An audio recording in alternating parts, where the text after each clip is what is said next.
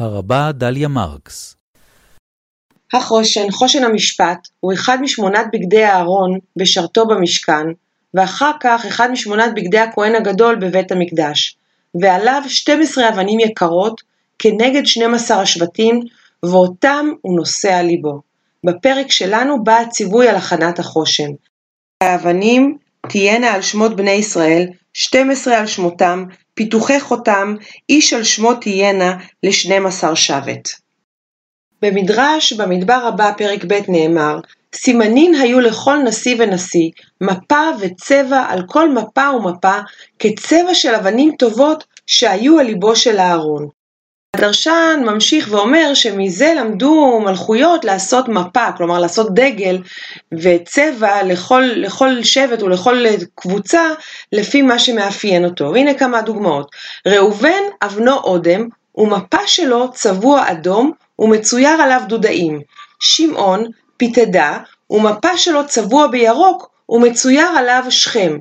לוי ברקת ומפה שלו, דגל שלו, צבוע שליש לבן ושליש שחור ושליש אדום, אנחנו מכירים עוד גלים עם השלושה צבעים האלה, ומצויר עליו אורים ותומים, וכן הלאה.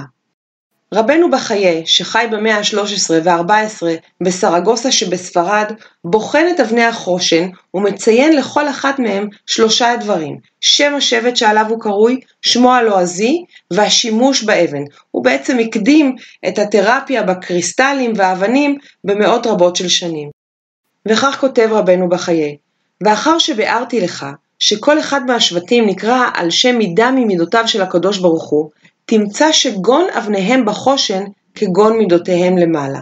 ומלבד י"ב השבטים שהיו כתובים על י"ב האבנים הללו, היה כתוב שמות אברהם, יצחק, יעקב ושבטי ישורון. ונקרא כמה דוגמאות מתוך פירוש, פירושו של רבנו בחיי. אודם נתנה לראובן, על שם שהאדימו פניו בחטא בלהה, כשבלבל יצואי אביו, והודה ולא בוש. והאבן הזאת נקראת רובין, כמו ראובן, ואמרו שהיא טוב לאישה המקשה ללדת. שמעון היה מפותח על פיתדה, והיא אבן ירוקה בכרכי הים כקרתי, ונקרא פרשמה, והיא מין נופח שהוא מרקדי, ונתנו לשמעון על שם שהוריקו פניו של זמרי בן סלו, נשיא שבט שמעון, וסגולת האבן הזאת שהיא מקררת את הגוף, וכנראה שמעון, חמום המוח, היה זקוק לאבן שתקרר קצת את גופו. לוי היה מפותח על ברקת, שהיא קרבונלה, על שם שנוצץ ומאיר כנר, והוא אבן שתלה נוח בתיבה, ונתנה ללוי מפני ששבט לוי היו מאירים בתורה. והנה השימוש שלו, ואם שוחקים אותו במאכל ומשתה, יועיל הרבה להחכים ולפתוח הלב. נדלג מעט. יוסף על שוהם, השם של יוסף היה חקוק על השוהם, והוא נקרא אונקילי, וסגולת אבן זה לתת חן לאדם בעיני כל רועיו, ואולי זה באמת מה שיוסף היה צריך כש, כשאחיו שנאו אותו. ויש בה אותיות השם, על שם ויהי השם את יוסף, ויהי איש מצליח. בנימין על יושפה, והיא הנקראת יושפיז. או אני מקווה שאני הוגה את זה נכון, והיא כלולה מגוונים רבים, זאת אומרת זאת אבן מאוד מאוד צבעונית, וסגולת האבן הזאת לעצור את הדם, ונתנה לבנימין לפי שנשתנה ליבו לגוונים הרבה, וחשב מחשבות במכירתו של יוסף, אם יגלה את הדבר לאביו, אם לא, ואף על פי כן נתגבר על יצרו, כן? כי מכירת יוסף הייתה לה משמעות חשובה מאוד בתולדות עם ישראל בסופו של דבר. דבר. ונקראת יושפה יש פה, וזה יורה על מעלתו שאף על פי שהיה לו פה והיה לו לגלות את הדבר, שתק ולא גילה.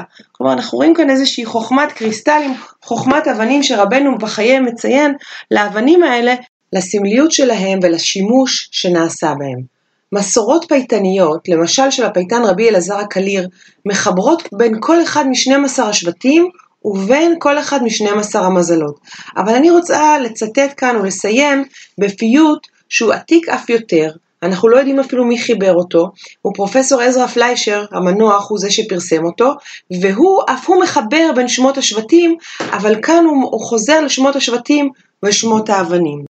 כולל באודם ראובן על ימות, כולל בכף, להיות חפיתדה שמעון במלחמות, מבהיק כברקת לוי לדמות, נדמה יהודה בנופח בנעימות, סוכר יששכר בספיר בבינת חוכמות, עולה זבולון ביהלום להידמות, פוער דן בלשם ברקימות, צוין נפתלי בשבו ברוממות, כושת גד כהחלמה בסיומות, רוקם אשר בתרשיש בתעצומות, שובח יוסף בשוהם בתקומות, תואר בנימין ביושפה ברוממות.